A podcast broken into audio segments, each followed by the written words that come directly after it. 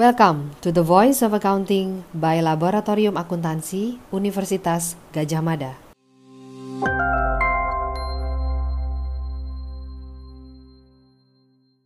Baik, agenda selanjutnya eh, saya undang Bapak Dekan Fakultas Ekonomika dan Bisnis UGM, Bapak Eko Suwardi, MSc PhD untuk berkenan menyampaikan sambutan. Monggo Pak Eko dipersilakan. Oke, terima kasih. Cek apakah suara saya bisa terdengar? Nggih Pak, sampun terdengar jelas. Oke, Bismillahirrahmanirrahim. Assalamualaikum warahmatullahi wabarakatuh. Salam sejahtera untuk kita semua. Om Swastiastu, Namo Buddhaya, salam kebajikan. Yang saya hormati para narasumber, Pak Dr. Saiful Ali, Pak Sony Warsono, Pak Kristo Nova Rahmanto, Ibu Nuraini, dan juga moderator Pak Akbar serta Bapak Ibu dosen yang hadir pada webinar pagi hari ini serta semua mahasiswa dan peserta webinar rangkaian loka karya keahlian analitika data untuk akuntan profesional masa depan di seluruh tanah air. Yang pertama adalah barang tentu kita memanjatkan puji syukur kehadirat Tuhan Yang Maha Esa, Allah taala karena kita semua dalam keadaan seperti sekarang berkesempatan seperti ini hanya dari izinnya dan rahmat darinya.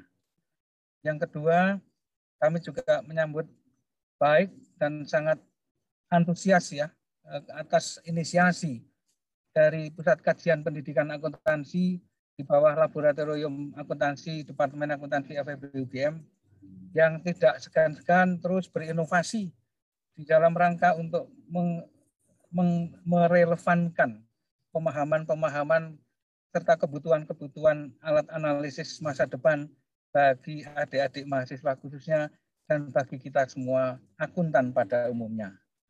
Saya kira topik pada pagi hari ini ah, keahlian analitika data ini memang sangat penting sebagaimana pengalaman-pengalaman kita sebagai dosen maupun pengalaman kita di praktek pada saat kita memahami laporan keuangan, pada saat kita melakukan risk-based audit, pada saat kita ingin menentukan sampel atas audit dan seterusnya, saya kira data analitik akan sangat membantu untuk memberikan tambahan kepada kita kemampuan kita untuk memfokuskan pada hal-hal yang memang perlu kita cermati.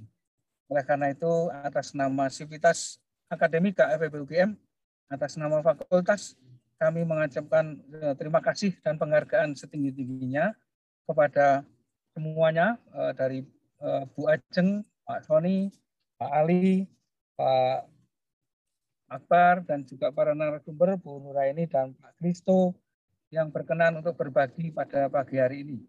Padahal ini hari Sabtu ya, tapi saya kira hari Sabtu yang sangat barokah semoga ini. Dan kepada semua peserta mahasiswa khususnya, mari diikuti eh, rangkaian loka karya ini karena ini akan membekali kita semua pada masa sekarang dan insya Allah pada masa yang akan datang. Jadi keanehan analitika memang satu hal yang sangat relevan dan sangat penting. Untuk itu saya mengucapkan selamat mengikuti rangkaian loka karya. Semoga kita semua diberikan kesehatan, diberikan kesempatan, dan diberikan kemanfaatan serta ridho darinya di dalam rangka untuk menggunakan ilmu akuntansi kita di masa yang akan datang yang terbantu atau yang didukung dengan keahlian analitika data. Terima kasih kepada semuanya. Assalamualaikum warahmatullahi wabarakatuh. Waalaikumsalam warahmatullahi wabarakatuh. Baik, terima kasih banyak Bapak Dekan Fakultas Ekonomika dan Bisnis UGM atas sambutan yang telah diberikan. Sebelum acara saya serahkan kepada moderator demi kelancaran acara, izinkan saya menyampaikan beberapa tata tertib dalam uh, diskusi pada hari ini. Uh, sebentar, izinkan saya untuk share screen terlebih dahulu.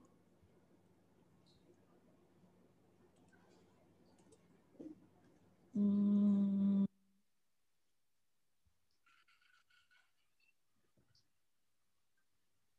Bapak, Ibu, dan teman-teman, apakah layar saya sudah terlihat? Halo? Oh, sudah, Mbak. Baik, terima kasih. Uh, untuk tata tertib webinar pada rangkaian lokakarya keahlian analitika data yang pertama adalah mohon menggunakan virtual background seperti yang sudah dikirimkan. Namun akan tetapi karena ada uh, beberapa hal uh, teknis, uh, mohon menggunakan virtual background bukan yang dikirimkan melalui email, namun yang dikirimkan melalui chat room di kanal Zoom. Jadi Bapak Ibu dan teman-teman dimohon untuk menggunakan virtual background yang sudah dikirimkan kembali melalui kanal Zoom. Selanjutnya yang kedua, mohon untuk menggunakan format penamaan untuk uh, memudahkan sesi diskusi dengan format sebagai berikut. Yang pertama, instansi garis miring atau universitas atau umum slash nama. Contohnya S1 akuntansi UGM slash mahasiswa slash ABCD atau maksi UGM slash nama, seperti itu. Kemudian demi kelancaran acara, selama sesi pemaparan materi, peserta dimohon untuk mengatur audio pada posisi mute. Selanjutnya, peserta diharap menyiapkan koneksi yang stabil dan perangkat atau gawai yang memadai. Kemudian di sesi webinar, peserta dapat bertanya langsung di kolom chatroom dengan format instansi, universitas atau umum, slash nama, eh, slash pertanyaan seperti itu. Namun mohon maaf karena keterbatasan waktu mungkin tidak semua pertanyaan dapat terjawab. Uh, selanjutnya, sebentar.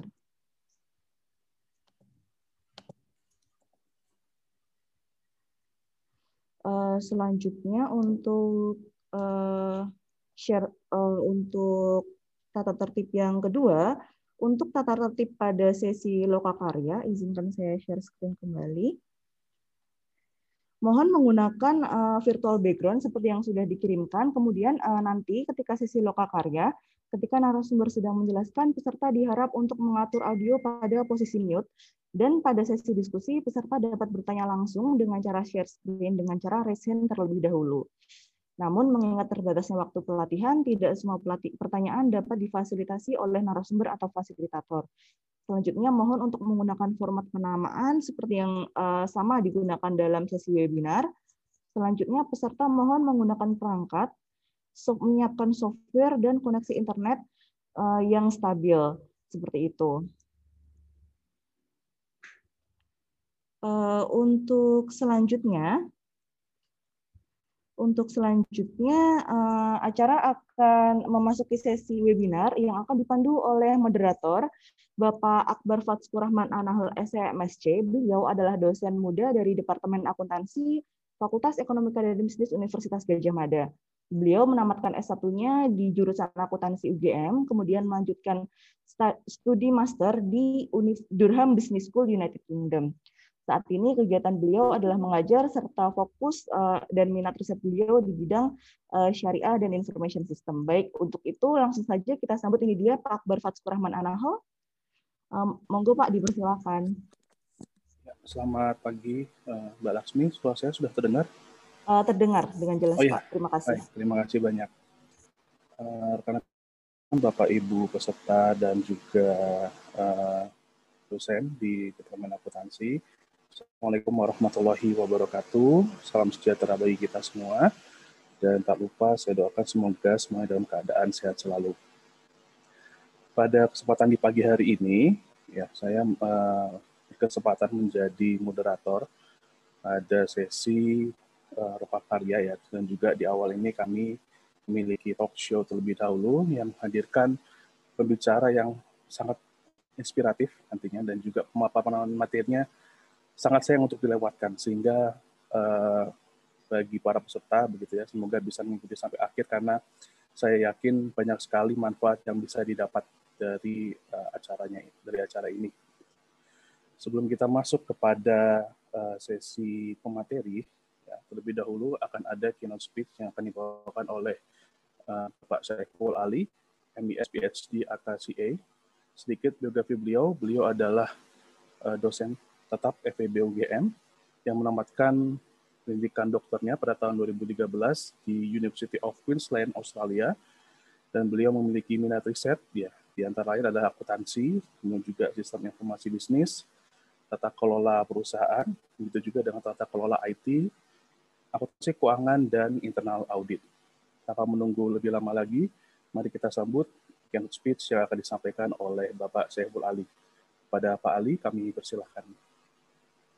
Terima kasih uh, Mas Akbar untuk waktunya. Bapak Ibu sekalian, Assalamualaikum warahmatullahi wabarakatuh. Selamat pagi, selamat untuk kita semua.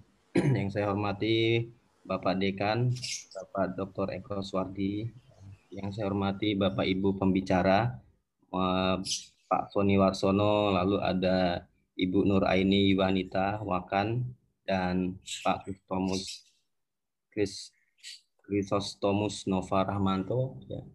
Uh, yang saya hormati rekan-rekan dari lab akuntansi, Ibu Ajeng dan rekan-rekan semuanya, dan Bapak Ibu yang hadir di sini peserta. Uh, mohon izin untuk share screen uh, materi sebentar.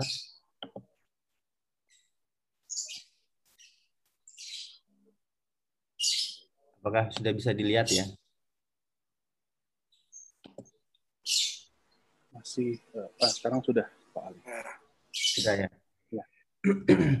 Baik, uh, saya diberi waktu 15 menit ya, jadi semoga bisa cukup waktunya. Uh, saya akan percepat saja. Sebenarnya uh, keynote speech saya kira um, ini mohon maaf Pak Sony saya mohon izin lebih lebih awal Pak Sony. uh, oh, Bapak. Okay.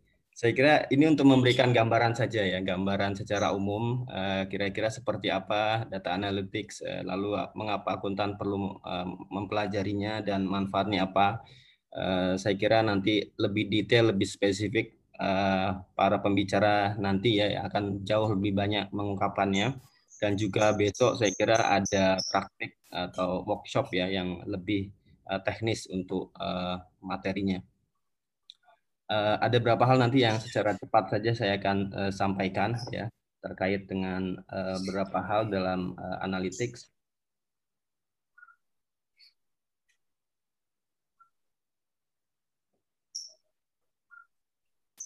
Uh, pertama ada uh, sedikit uh, ya, lalu kemudian saya akan menjelaskan sedikit overview uh, data analytics untuk bisnis, accounting, lalu seperti apa data analytics cycle, kemudian eh, data analytics skill ya, terakhir analytics application yang nanti lebih spesifik akan dibahas uh, besok saya kira. Oke, mari kita lihat sebentar uh, apa beberapa fenomena penggunaan data ya dalam dalam uh, membantu membuat keputusan begitu ya. Kalau ini kita saya ambil dari internet ya. Ini uh, Profesor Werner ya dari Amerika saat Perang Dunia Pertama itu dia membuat uh, mesin ya algoritma untuk me menghitung uh, gerakan pesawat tempur Jerman ya. Dia akan memprediksi de, mulai dari arah uh, data yang diterima pertama kali ya bergerak lalu dia akan bergerak ke mana. Lalu setelah itu uh, di bawah di darat sudah siap uh, tentara untuk menembak gitu ya berdasarkan input yang diperoleh. Uh, ini cukup uh, revolusioner saat itu, tetapi uh, mesin ini atau alat ini hanya bisa memprediksi satu menit gerakan ke depan, gitu ya.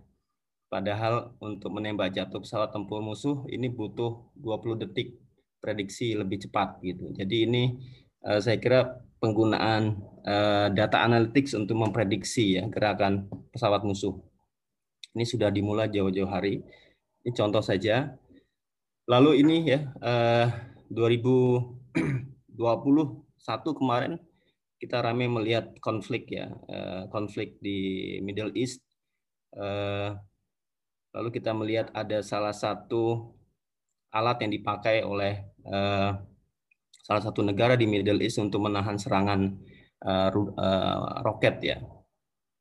Jadi ya, kita bisa melihat bagaimana eh, apa komputer bisa memprediksi gerakan roket, eh, memproyeksinya, kemudian eh, setelah tahu ke arah mana gerakannya, lalu mengirimkan eh, roket untuk menghancurkannya di udara. Ya.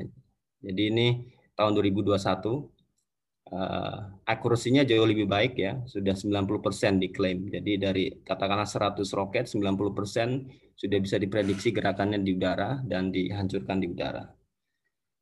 Oke, ini contoh yang di pandemik ya. Contoh di pandemik uh, Genos ini juga uh, komputer sebenarnya yang menggunakan artificial intelligence untuk memprediksi apakah seseorang itu terinfeksi virus COVID atau tidak ya. Gitu ya. Um, buatan UGM kita semua saya kira sudah pernah coba mungkin ya. Uh, jadi uh, di dalam mesin ini dia mempunyai banyak data-data historis ya yang bisa dipakai sebagai indikator apakah seseorang yang baru menggunakannya itu diprediksi bisa uh, apa apakah terinfeksi atau tidak dan ini akurasinya diklaim 97% ya. Nah, ini ketiga jenis ini uh, bisa kita lihat sebagai bagian dari uh, data analytics ya yang kebetulan ini otonomus 100% tidak ada terlibat uh, unsur manusia di sini ya jadi otonomus. Dari bisnis kita bisa melihat contoh pertama ya uh, data analytics dipakai di Chase Bank di US untuk memprediksi resiko uh, mortgage ya. Jadi kalau seseorang mau pinjam uang uh, agunan apa uh, buat beli properti ya lalu di bank ya lalu dia akan memprediksi apakah seseorang mampu membayar atau tidak. Di tahun 1990. Jadi ini pertama kali dipakai uh, oleh Dan Steinberg ya. Dia termasuk data scientist. Uh, dia bisa memprediksi jutaan usulan mortgage ya. Dari situ dia bisa memprediksi sejauh mana uh, pemilik uh, properti bisa melakukan pembayaran dengan tepat waktu dan dia bisa membuat keputusan yang tepat ya. Apakah akan diberi sebanyak uh, lalu terms and conditionnya seperti apa dan Bank Chase mendapatkan keuntungan pada tahun itu ya tahun 1990 itu 600-an juta uh, eh, 600-an juta US dollar ya. Jadi ini luar biasa manfaatnya. Kalau kita lihat perkembangan yang terkini ya uh, perusahaan-perusahaan besar yang sekarang ada contohnya Amazon, Uber, Microsoft, Google, Facebook, Tesla. Ini adalah perusahaan-perusahaan yang tidak lagi mengandalkan sumber daya alam ya seperti minyak uh, untuk uh, kompetitif mengalahkan pesaingnya ya tetapi menggunakan data ya menggunakan data untuk bersaing. Tidak heran maka the majalah The Economist ya tahun 2017 bilang the world's most valuable resource is no longer oil but data. Jadi ini menunjukkan bahwa eh, makin ke sini kita bisa melihat ya ledakan data yang besar dan bagaimana data itu bisa dipakai untuk membantu organisasi menjadi jauh lebih uh, kompetitif. Nah, dalam hal ini eh, akuntan saya kira sebagai bagian dari ekosistem bisnis juga harus bisa membantu organisasi ya untuk mendapatkan optimal benefit dari data analytics. Ya. Oke, nah kita bisa lihat inilah eh, benefit dari data driven ya. Jadi kita membuat keputusan tidak berdasarkan atas uh, intuisi, tidak berdasarkan atas uh, apa uh, insight ya yang tidak ada dasarnya tapi berdasarkan data. Uh, manfaatnya banyak sekali ini ya valuable insight, uh, pertumbuhan yang terus menerus, uh, program yang lebih baik, operasi yang lebih optimal, dapat memprediksi masa depan ya prediction ini jenis data analytics yang paling banyak nanti yang paling menarik. Lalu setelah itu tentu saja actionable insight ya. Jadi preskriptif apa yang mau akan dilakukan setelah kita mendapatkan insight dari uh, data analytics. Uh, World Economic Forum uh, 2020 ya, akhir 2020 merilis uh, white paper ya atau uh, report ya, judulnya The Future of Jobs Report. Dari sini kita bisa melihat adanya decreasing demand ya untuk beberapa uh, profesi dan dalam hal ini kita bisa melihat uh, ya nomor satu ada data entry clerks, nomor dua administratif, Nah, nomor tiga dan empat ini kebetulan ada dalam bidang akuntansi ya, accounting, bookkeeping, payroll clerks, accountants, and auditors. Nah, ini bisa menunjukkan bahwa uh, profesi uh, akuntan ya di, terjadi decreasing demand ya, terjadi bukan hilang ya, tapi decreasing demand. Untuk apa? Untuk uh, untuk uh, uh, job description yang sama begitu. Artinya tidak ada perubahan. Tetapi kalau Eh, seorang akuntan itu kita redefinisi ulang perannya ya, itu saya kira tidak akan terjadi uh, decreasing demand gitu. Ya dalam konteks itu saya kira uh, apa usaha kita untuk terus belajar ya dalam konteks data analytics itu untuk membuat kita menjadi lebih apa uh, lebih siap ya menghadapi masa depan gitu. Karena masa depan itu kita bisa melihat ini ya increasing demand nomor satu ya, profesi adalah data analis dan scientist. Kemudian ada yang nomor dua ada AI, machine learning, nomor tiga big data spesialis ya dan seterusnya. Jadi kalau kita sebagai uh, profesi ya uh, akuntan atau di dunia pendidikan akuntansi kita mau tidak mau harus menyiapkan diri ya baik itu dosen maupun uh, apa mahasiswa untuk mencoba memasukkan materi data analytics ya ke dalam kurikulumnya ya sehingga uh, walaupun misalnya job desk accountant yang tradisional itu decreasing tapi kita bisa melengkapinya dengan skill yang di, di apa akan meningkat di masa depan yaitu data analis. Ini uh, survei terbaru ya yang menunjukkan bahwa uh, perusahaan di seluruh dunia itu memang sejak 2009 banyak investasi di analytics ya, di business intelligence, data mining. Jadi ini apa sinkron saya kira message-nya uh, bahkan kalau kita baca itu eh, ada artikel di Harvard Business Review 2009 menyatakan bahwa uh, ya the most uh, the sex the, the most sexist job uh, in the century itu data analyst gitu ya yang menulis uh, Thomas Davenport dan itu uh, apa terbukti ya sejak 2009 sampai 2019 itu selalu nomor satu fokus investasi perusahaan. Oke, kita bisa melihat pertumbuhan data luar biasa besar inilah yang men-trigger salah satunya adalah kebutuhan uh, organisasi untuk uh, mengoptimalkan manfaat dari data analytics. Oke, uh, apa data analytics? Esensinya saya kira kita mengubah data ya menjadi insight ya uh, untuk membuat keputusan. Esensinya itu ya. Dengan menggunakan apa? Menggunakan alat-alat statistik, menggunakan alat-alat kuantitatif analisis, uh, ada exploratory, ada yang sifatnya predictive analytics ya. Jadi seperti itu. Jadi intinya sebenarnya uh, esensinya sama gitu ya. Tetapi kalau kita tambahkan di sana ada big data analytics, ini kita mengacu kepada uh, karakter data yang jauh lebih uh, luas, lebih besar ya, lebih kompleks. Sehingga tools yang kita pakai untuk mengolah data tersebut tidak lagi uh, uh, seperti biasa ya, tidak tradisional. Nah, saya ingin sedikit mengulas uh, ada perbedaan antara big data dengan not so big data. Kalau kita lihat uh, big data ya dari dari 3 4 V di sini volumenya sangat besar ya. Not so big data tidak selalu terlalu besar megabyte, gigabyte. Contohnya apa? Kalau Not so big data itu adalah data-data yang kita peroleh dari sistem yang sudah ada yang kita pakai, legacy system. Jadi misalnya ERP atau functional IS itu sudah misal data penjualan, data pembelian, data SDM, ya semuanya itu yang sudah kita kelola itu masuk ke dalam not so big data yang juga penting untuk kita olah ya. Uh, kalau big data di luar itu gitu ya dan besar uh, apa size-nya. Eh, dari sisi variety ya variasi big data itu luar biasa uh, bervariasi ya. Uh, text voice video tapi kalau not big data yang kita peroleh itu datanya uh, tidak bervariasi ya. uh, datanya kemungkinan besar hanya berupa teks dan angka ya sehingga nanti ketika kita mengolah ya tools uh, seperti Excel yang kita akan bahas besok itu sudah memadai ya untuk mengolah not so big data. Kemudian dari sisi kecepatan penciptaan velocity, kalau big data kita bicara misalnya streaming data ya, itu datanya in motion, datanya sudah sudah sudah apa sedang terjadi ya. Kalau not so big data, datanya sudah selesai. Jadi kita tinggal apa olah begitu.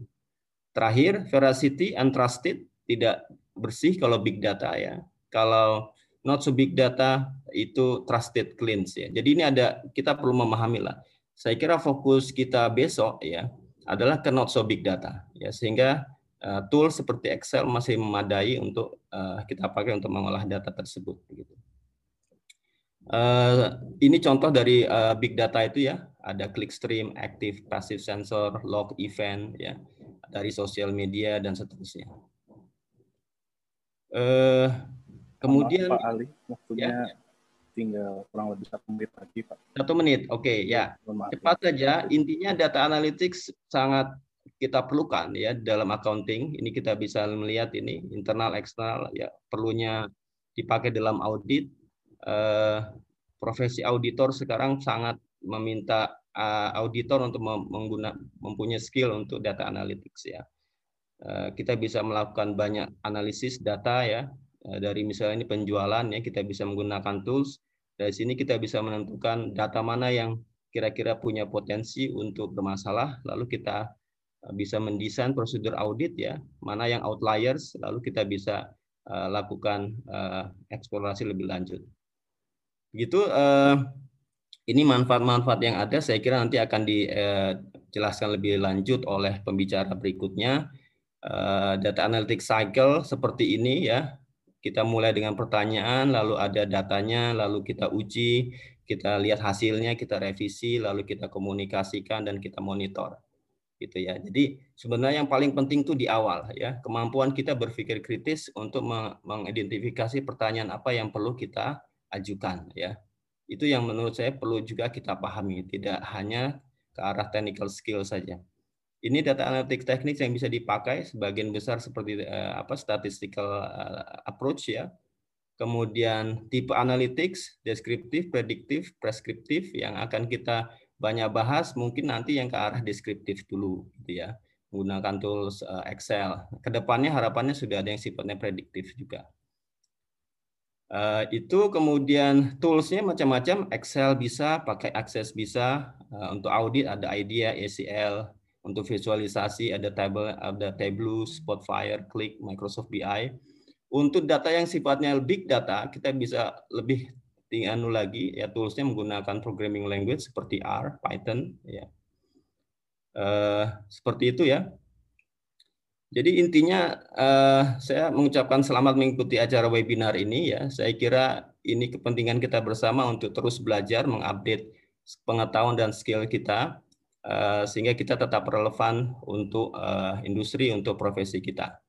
Sekali lagi saya mengucapkan banyak terima kasih untuk kesempatan yang diberikan oleh uh, Lab Akuntansi uh, BUGM. Terima kasih.